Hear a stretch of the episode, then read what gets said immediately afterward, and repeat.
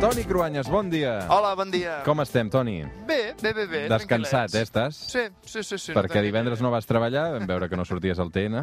Sí, he aprofitat per agafar una mica de forces, eh, que d'aquí Nadal venen setmanes amb feina, em sembla. Avui és la Puríssima, que també és festiu al calendari, amb aquesta tra llarguíssima tradició religiosa, però aquest divendres va ser festa eh, perquè és el dia de la Constitució. Sí, és una festa relativament nova, eh? Hi ha poc arrelament, sobretot a Catalunya o al País Basc, perquè ha anat creixent aquest sentiment de desafecció o d'independentisme, però per part dels cercles més conservadors d'Espanya, que ara fan una gran celebració, cal dir que durant la transició, o fins i tot als anys 80 o 90, també era vista com una festa molt menor. Els més recalcitrants preferien la festa de la hispanitat, el 12 d'octubre. És habitual que els països celebrin l'aniversari de la seva Constitució. Tan important és una Constitució com perquè sigui motiu de festa patriòtica. Comencem avui amb el Toni Cruanyes pel principi. I ens situem amb aquesta bonica melodia cap a Grècia, en aquesta època en què es comença a parlar de Constitució. Sí, a veure, estaria fora de lloc comparar el sistema democràtic de la Grècia clàssica amb el que avui entenem com una Constitució, però sí que es tradueix com a Constitució d'Atenes la definició política del filòsof Aristòtil. El concepte bàsic és que hi ha unes normes bàsiques que són iguals per tothom, una llei suprema, una compilació de normes que no només són un codi de conducta, sinó també un reconeixement de drets individuals. Seria una versió primitiva de la separació de poders, això que expliques? Sí, els grecs són la nostra primera referència, però, per exemple, la carta de Medina del profeta Mahoma, l'any 622, també podria ser un precursor de les constitucions actuals, o els furs locals o estamentals de l'Europa medieval. La més antiga és l'anglesa, la carta magna del 1200 15, però també a Castella hi havia els fueros, que eren privilegis que els reis castellans atorgaven a les ciutats. I en el cas de Catalunya tenim les constitucions que garantien les llibertats i drets des del segle XI, amb la coneguda com a Pau i Treva. Després serien abolits al segle XVIII, amb la Guerra de Successió. Per tant, l'arrelament en el cas dels anglesos o dels catalans és d'una llarguíssima tradició. Catalonia has been the greatest nation.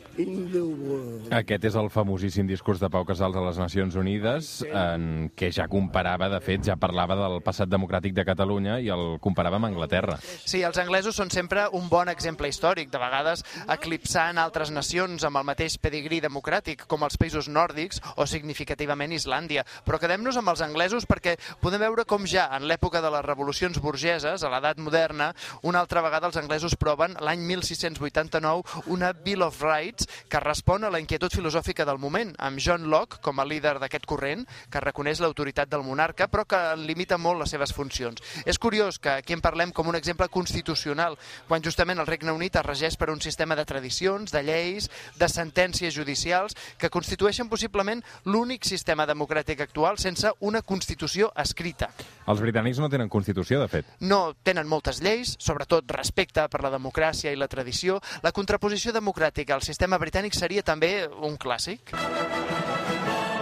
Doncs els francesos, aquest clàssic, que no se'n van sortir de limitar el poder del rei i van fer la revolució. Sí, de fet, les constitucions actuals són una conseqüència de la crítica il·lustrada a l'antic règim, sigui la monarquia absoluta, la monarquia autoritària.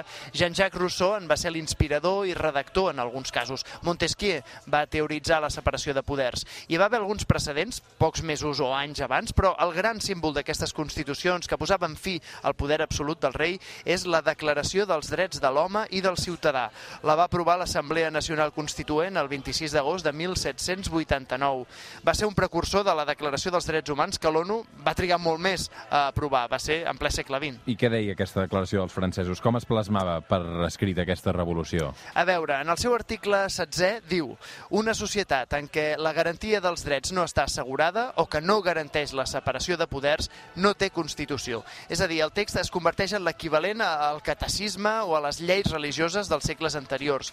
És com un text sagrat, compartit per tot el poble. La intel·lectualitat de tota Europa i Amèrica s'anava sumant les idees més liberals. Aquest és el concepte de Constitució que neix en aquells anys. En el cas d'Espanya, la primera Constitució seria la del 19 de març de 1812, l'anomenada Constitució de Cádiz, o la PEPA, perquè es va promulgar el dia de Sant Josep. Però ni la PEPA ni la declaració de la Revolució Francesa van durar gaire. No, aquells textos van ser derogats per la inestabilitat política, per les contrarrevolucions, tant a França com a Espanya. La Constitució més antiga, que amb modificacions encara segueix en vigor, és la dels Estats Units. La Constitució Federal dels Estats Units, Toni, és la més antiga en vigor. De fet, és del 1787. Sí, i és un text mític que comença amb la famosa frase We the people, nosaltres el poble. Pensem que no era només una declaració de principis, també era una declaració d'independència dels americans respecte al rei britànic. We the people, aquest text que ha inspirat poemes i, i cançons, eh? Molts discursos patriòtics han arrencat d'aquesta manera, en referència a la Constitució nord-americana, que bàsicament recollia els drets bàsics de la ciutadania, la igualtat davant la llei, la separació de poders entre l'executiu, el legislatiu i el judicial. Escolta'm, com pot ser que un text de fa més de dos segles encara sigui vigent, Toni? Home, la Constitució nord-americana és molt genèrica, perquè recull alguns elements que s'utilitzen al peu de la lletra, com la primera esmena, que blinda la llibertat d'expressió, però després hi ha totes les lleis inferiors o codis que determinen el marc legal nord-americà d'avui en dia. De fet, després van venir altres constitucions, altres països que defensarien drets socials. Seria el que els historiadors defineixen com a segona generació de drets, com el dret a l'habitatge, a l'educació, a la salut.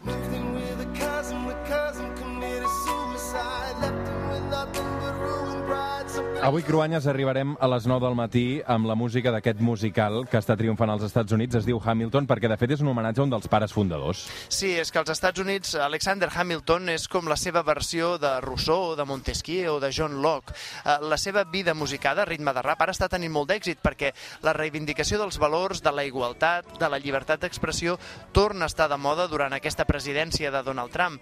Els progressistes americans estan convertint en un himne contra Trump aquest musical, però també en un himne a favor dels valors de la Constitució americana. Toni Cruanyes, moltes gràcies, bon diumenge. Bon diumenge.